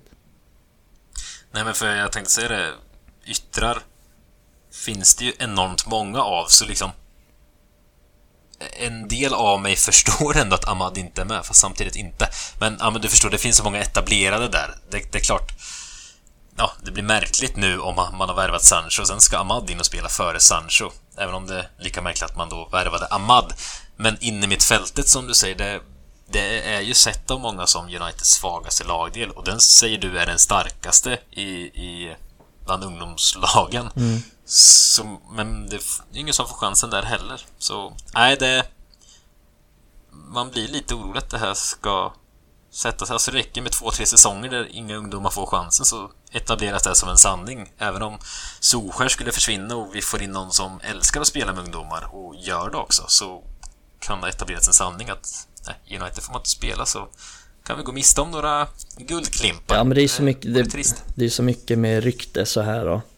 Nu har ju United haft ett bra rykte om att ge unga spelare chansen innan. Även om mm. jag kan tycka att det inte riktigt har stämt de senaste åren så tror jag att det ryktet fortfarande finns bland unga spelare idag. Så att jag tror inte att det är någon risk än i alla fall. Och sen får vi väl se vem som tar över efter Ole och hur det blir då och sådär. Då får man ta ställning till det. Men just nu så känns det ändå som att nu ligger det inte i farozonen riktigt. Sen är det många som går genom Uniteds ungdomsled ska ju sägas och sen slår de sig inte in i United men de har ändå gjort sig ett namn så de kan kliva, kliva ner tänkte jag säga men ja, till något annat lag på hög nivå. Uh, ja, Alltså tänk Michael Keane liksom som ändå varit bärande i ett Premier League-lag nu under många år. Eh, så det går ju gå vägen via United även om man inte landar i United-tröjan är vacker. Mm. Men eh, vi ska inte bli för långrandiga här, det kommer vi bli oavsett. Eh, vi har ett gäng lyssnarfrågor som vi ska beta av här också. Eh, Alexander Fallman, eller Fällman kan det vara, det kan vara att A ät har försvunnit. Eh, reservera mig för det. Eh, men han undrar lite, det har vi faktiskt inte pratat så mycket om, men han undrar om mittbackar de yngre leden. Eh, vad hände med Mengi, Fish, Kamvala och så vidare? Jag ska säga att när vi spelar in det här idag så läste jag rykten om att vi skulle plockas in en till mittback till A-truppen. Det räcker inte med att ha värvat 14 stycken senaste säsongerna. Det ska värvas Kondé också, ryktades det om idag. Det kan vi ta någon annan gång. Mm. det är märkligt, men eh, är det så illa på mittbackspositionen i ungdomsleden? Eller varför ska man försöka värva fler? Jag tror inte United har så mycket hänsyn till vilka som är ungdomslagen när de kollar på, på vilka de värvar, okay, tyvärr. Ja. Eh, I alla fall inte i, i det här fallet. Nej men nu... Ja, alla de här, de har väl ändå varit lite av en besvikelse det senaste året. Eh, har ju varit skadad länge och först nu kommit tillbaka den senaste månaden. Så han är ju väldigt svår att bedöma. Han har ju gjort typ 5, 6, 7, 8 matcher någonting sånt i, i sin United-karriär. Eh, sen är det svårt att bedöma de andra också överlag eftersom, som jag sa innan också, att eh, U23 släpper in otroligt mycket mål och har ett ganska oorganiserat försvarsspel. Eh, sen utvecklas ju mittbackar senare än alla andra också och bedöms mycket på deras misstag, vilket alla de här ändå gör i någon viss grad i U23 och U18 eftersom det sker ganska många försvarsmisstag i de här serierna. Eh, men jag tycker ju fortfarande att alla de här har ganska mycket potential och är väldigt spelskickliga och har de fysiska egenskaperna för att kunna bli väldigt bra mittbackar. Eh, tycker väl att de, de här så känns väl eh, Willy Kamvala mest intressant i nuläget och han har men han har, han har storleken och snabbheten, tekniken och ett, ett riktigt råämne. Och det är därför United betalar så mycket för honom också. Han betalar ju typ 30 miljoner kronor för en 16-åring, vilket är väldigt mycket pengar. Eh, sen tycker jag ju Fish och Mengi eh, kommer utan tvekan bli bra spelare tror jag. Mengi spelade ändå The Championship och gjorde det bra som 18-åring. Och det gör man inte om man inte är en bra spelare. Men eh, alla de här har haft lite, alltså deras säsonger har varit lite sisådär. Deras form har varit upp och ner, blandat och gett väldigt mycket. Så att eh, om vi tar så här rent konkret om, mitt, om de här mittbackarna så tycker jag inte att någon av dem är redo att spela A-lagsfotboll för United, än i alla fall. Jag hoppas att Menge blir utlånad i januari och kan, kan visa lite. Mm. Eh, så nu har fått en fråga från användaren Daveney. Jag ska säga att vi, vi har lagt ut det här på Twitter och Instagram så en del är helt enkelt våra lyssnares användarnamn eh, så ni vet vad det är jag pratar om. Men Daveney i alla fall frågar vad vi tror om Norrbaggen Isak Hansen Arön. Mm. Osäker på om man uttalar hans andra efternamn, men eh, vad tänker du? Isak Hansen? Mm, han är en av um, de här mittfälterna som jag snackade om. Tillsammans med Hannibal bland annat som jag, som jag tror väldigt mycket på och som jag tror har en stor potential att slå sig in i Uniteds A-lag. Så jag tror väldigt mycket om honom. Han är ambitiös, eh, väldigt tekniskt begåvad. Han är ganska tufft när han först kom eh, till United för något år sedan då, under covid. Han hade mm, en stor hemlängtan och hans föräldrar kunde liksom inte komma och hälsa på honom och sådär. Eh, så när allt väl öppnades upp så var han faktiskt hemma i Norge då några månader. Och kom sen tillbaka. Så sen dess tycker jag att han har varit väldigt bra och haft, även om han haft lite skadeproblem. Han är också en sån som har spelat, han är ju bara, han har nyss fyllt 17 år så att han spelar en del med, med U18 men framförallt har han väl börjat spela mer och mer med U23. Eh, han är också en sån som, ja men han gör en hel del poäng när han spelar på sex starter. Den här säsongen så har han gjort ett mål och tre assist och då spelar han ofta centralt på mittfältet. Eh, men han är också en sån som kan spela på, på lite olika positioner. Tycker väl att han är bäst som någon typ av nummer åtta men han kan också spela som nummer tio och lite på kanten också. Skulle väl jämföra honom lite med typ Luka Modric som också började sin karriär som yttermittfältare och som tia men som senare spelade längre ner i planen. Jag eh, tycker att de har liknande egenskaper också. Eh, ganska små till växten så här, men kvicka och kan dribbla och gillar det kortpassningsspelet. de Spela bollen, hitta ny position och kombinera sig fram och jag tycker United saknar en sån spelare i A-laget så det ska bli spännande att se hur bra han kan bli. Eh, som sagt, han är nyligen fyllt 17, jag tror han fyllde nu i augusti. Så han är född eh, 2004 och jag tycker redan att han är, ser ganska dominant ut på U23-nivå trots att han är bland de yngsta i det laget. Så det är en eh, otroligt spännande spelare både för United men också för, vi har några från Norge som lyssnar vet jag. Eh, men både för United men också för norska landslaget i framtiden. Mm. Eh, sen har vi fått in eh, två frågor tänkte jag säga som berör lite som vi kanske redan varit inne på. Jag misstänker att ditt svar kommer att vara en del spelare vi pratat om. Eh, men eh, Freddan, eller användaren Freddy BF och även Nils Palmblad eh, eh, Freddan där undrar vilka unga spelare kommer spela i A-laget nästa år och Nils Palmblad undrar generellt är han nyfiken på vilka vi hade tagit upp i A-truppen med en gång. Vilka hade man gett chansen i dagens lag? Vad tänker du där? Är det de här vi pratat om, Hannibal, Laird då, om man tar tillbaka honom eller mm. vad tänker du? Ja, Eh, bra fråga. Kul fråga. Ja, det är väl... Eller hade, du, ha, eller hade du plockat upp liksom Amado och Langa också, trots att det finns en miljard yttrar? Ja, men jag hade gjort stora rockader i truppen om jag hade fått bestämma. Då hade ju inte Mata varit kvar till exempel. Då hade man kunnat, och det ger ju utrymme för andra. Jag hade ju till exempel sålt Martial också. Fan, jag hade sålt halva truppen när jag tänker på. Nej men... nej men jag hade nog tagit upp eh, Hannibal, hade, tycker jag är redo spela i, i A-laget. Elanga är väl mer eller mindre redo. Kanske att jag skulle låna ut honom med tanke på att United har ganska många på hans position. Även om man skulle fasa ut typ eh, Mata och Martial så finns det ändå extremt många på den positionen. Uh, Ethan lärde definitivt.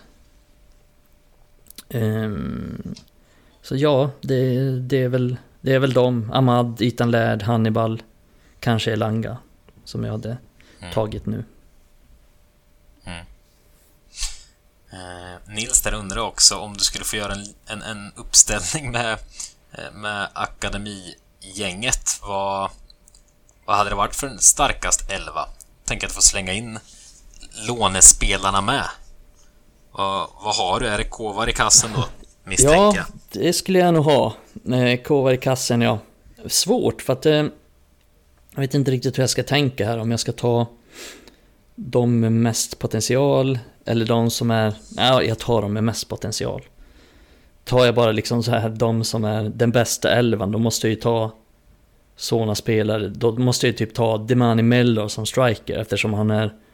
Ja men han är ändå rutinerad och liksom 23, 23 bast snart höll jag på att säga men... Ja men du fattar. Eh, medan då kanske han håller högre klass än en 17-åring gör just nu. Så att jag tar ändå de med mest potential. Men då skulle jag ha Kovar i mål då. Sen skulle jag ha Ethan Laird som högerback. Sen skulle jag ha eh, Kamvala och Mengi som mittbackar. Sen skulle jag ha Fernandes som vänsterback. Sen skulle jag ändå ha... Eh, mittfältet är intressant eftersom det är så jävla starkt. Eh, som vi snackade om innan. Jag skulle inte ha Garner eller Ethan Galbraith eller eller något sånt. Utan jag skulle nog köra på Isak Hansen då. Sen skulle jag ha Hannibal och sen skulle jag ha en som heter Kobe Maino.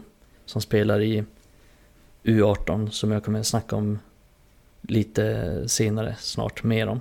Sen skulle jag ha Ahmad och Elanga på varsin kant i ett 4-3-3. Sen skulle jag ha...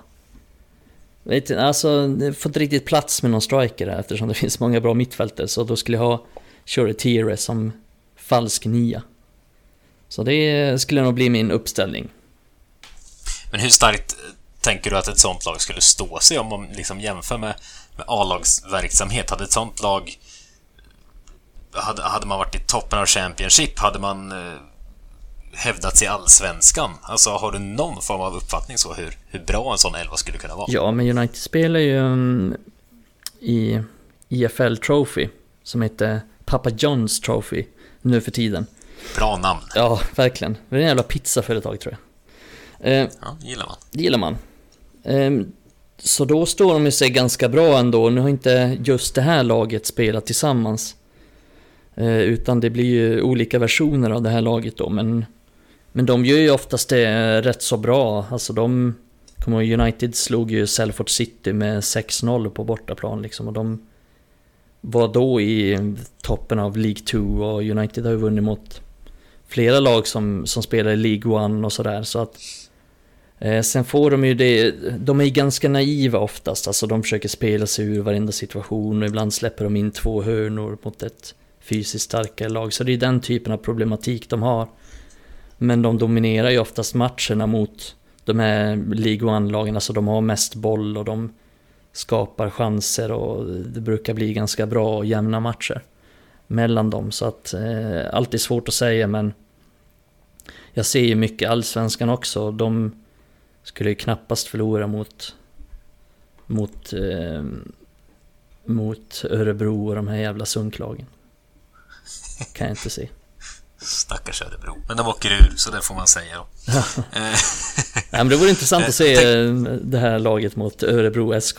Men det, då får man säga att det här laget, alltså skulle de spela kvadraten, skulle skulle Hansen, Maino och Hannibal spela tre mot tre mot McTominay, Fred och Matic, då skulle ju de vinna det. Så är det ju. Mm. Ja, intressant. Eh, ska ta några frågor till här. Eh, 81 Karlsson, 81an Karlsson vill jag säga bara för 91an Karlsson. Men 81 Karlsson eh, frågar lite vad händer med Teden Mengi. Eh, skulle han vilja höra om. Eh, om vi tror han kommer få någon chans snart i A-laget eller om han inte håller måttet. Så vi har varit inne lite på, lite på honom att han är en talang men inte kanske presterat precis på den nivån som han som önskat senaste tiden. Nej, nej jag vet inte om jag har så mycket att tillägga till det jag sa lite innan då. Det är väl att Ja, i nuläget skulle jag säga nej. Eh, jag tror inte han kommer få en chans i A-laget snart eftersom jag inte tycker att han är redo för det. Men det är möjligt att det ändrar mig om några månader och några månader innan det här spelar in så kanske jag hade gett ett annat svar. Men Tyvärr så ville han ju inte gå till Derby med tanke på deras situation. Han var utlånad dit förra säsongen och de ville ju ha honom den här säsongen också och United hittade ingen annan låneklubb till honom så vi får se lite där vad som händer i januari. Men han behöver ju bli utlånad och få någon slags erfarenhet för att jag tycker att han inte är riktigt redo än för A-laget.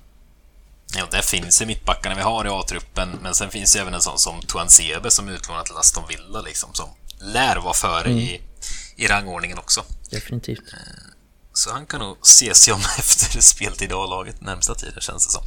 Eh, sen har vi eh, Ludde Lindersson frågar lite om Ahmad, när han får chansen i A-laget nu när han är tillbaka från skada och Anton Jakobsson frågar samma om, ja, lite samma om Elanga om, ah, om vi tror att han får en chans eh, eller en plats i truppen vid ett eventuellt tränarbyte eller om man lånas ut eller säljs, men det är väl lite samma svar på båda det, tänker jag. Nu kliver jag in och svarar här med, men alltså man vet väl inte riktigt. Så länge Ole är kvar här nu så har jag väldigt, väldigt svårt att se att det helt plötsligt ska spelas ungdomar som situationen är nu. Det, det lär ju inte hända, tänker jag. Nej, det lär inte Eller hända. vad tänker du? Nej, det... det... det lär inte hända. Nej, och jag får inte känslan av att Ole gillar Ahmad särskilt mycket.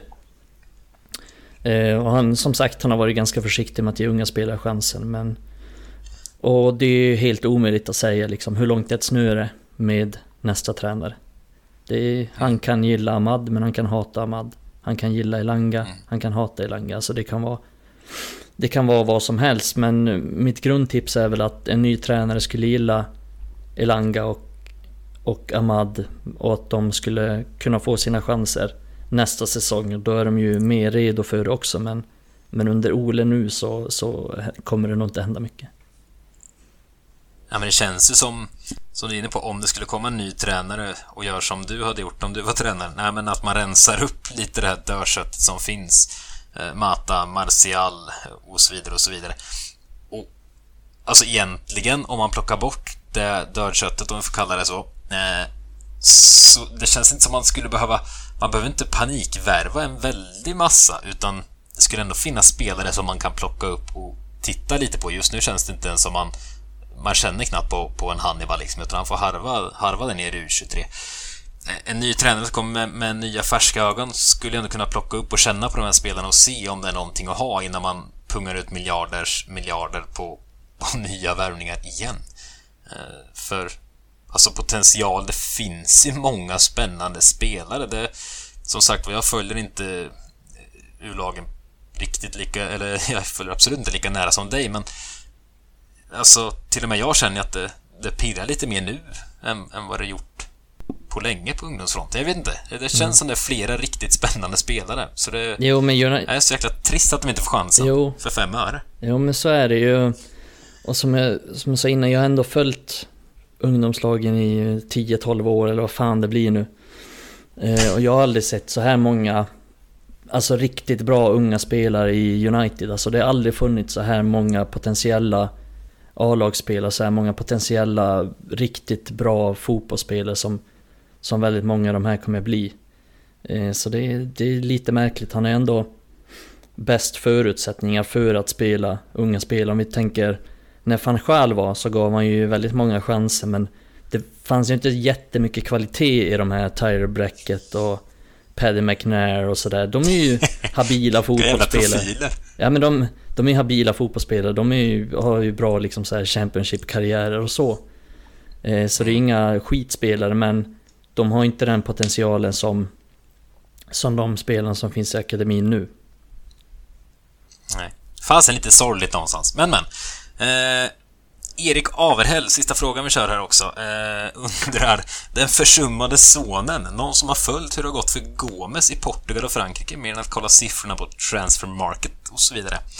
Eh, har du någon koll på honom? Angel Gomes, ja, jag försöker väl ändå följa med lite hur det går för honom och Eh, jag har inte sett allt för mycket av Lill som han spelar idag men ehm, Han har ju spelat där en, en hel del och fick göra CL-debut tidigare den här säsongen vilket är kul för honom.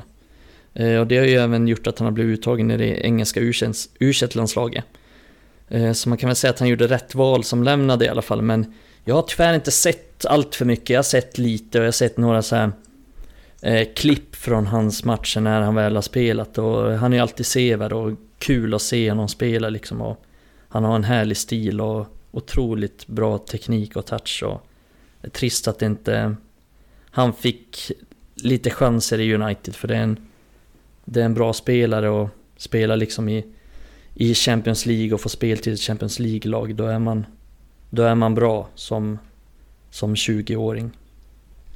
Mm. Det var alla härliga tittarfrågor, lyssnarfrågor ska, det, ska vi säga. Det blir lätt att man säger tittarfrågor av någon anledning. Eh, men det var de lyssnarfrågorna vi fått in. Väldigt eh, bra nivå på dem. Tackar hjärtligt för eh, alla de frågorna vi fick in. Ja. Något mer du har på hjärtat innan vi stänger ner det här avsnittet som blev längre än vad vi trodde, som vanligt? Ja, skrällat det blev det. Det blir alltid det, fy fan. nej, men det är väl... Hopplösa är vi. Um, nej, jag är bara så... Så fascinerad av um, Kobe Mainu som är min nya favoritspelare som jag ska börja tjata om snart på, på Twitter också.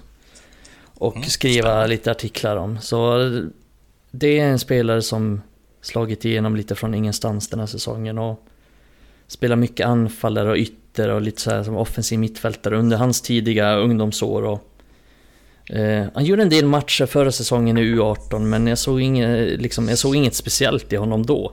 Och det är det som är så fascinerande också.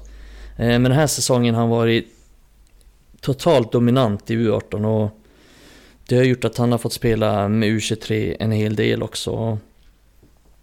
Eh, två mål och två assist har han gjort på sju starter som innermittfältare i U18 och det är väldigt bra. Alltså en Riktigt, riktigt, riktigt tekniskt skicklig. Lite av en Pogba-kopia skulle jag säga. Eh, som kan spela mm, över hela innermittfältet. Och han har det, som jag brukar säga. Eh, lite som Ethan Lär har och Ahmad också har. Liksom en typ av karisma, en touch och så här driv i steget som gör att man, man ser ganska tidigt att han har något speciellt. Lite som med Pogba också.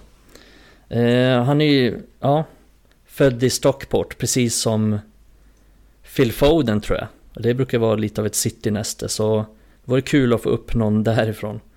Eh, så det är en spelare jag gillar väldigt mycket. Graciös och har en styrka och en balans som sticker ut och slår nästan alltid rätt boll också.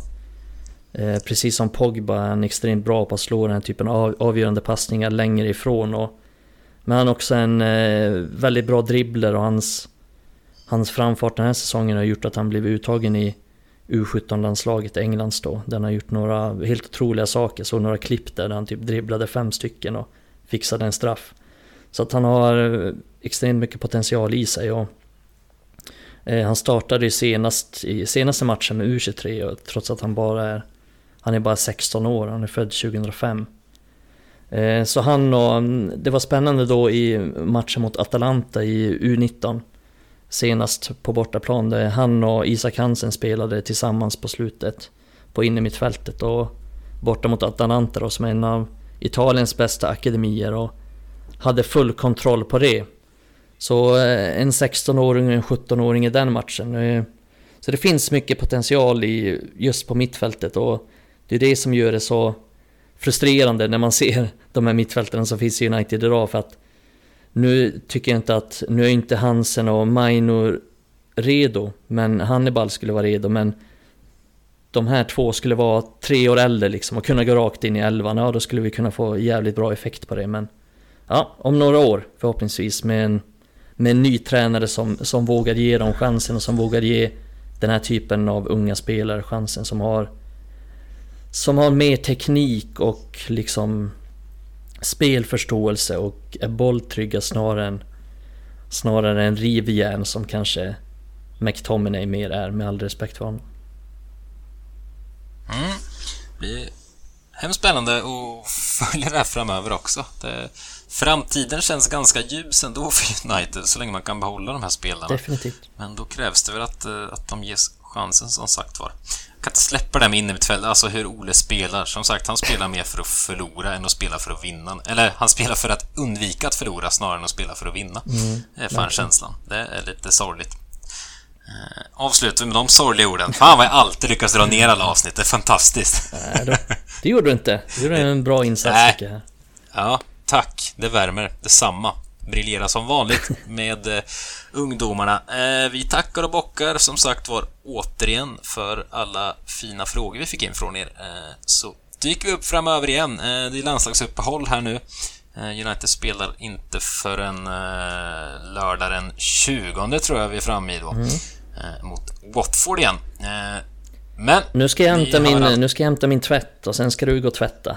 Ja, det... ja jag ska också gå och tvätta. Var... Lite försenad här för vi pratar för länge. Ja. Men eh, därför ska vi sluta prata nu kanske. Det ska vi. Eller? Nu ska vi... Ja, det ska vi. Tvätta utav helvete här alltså.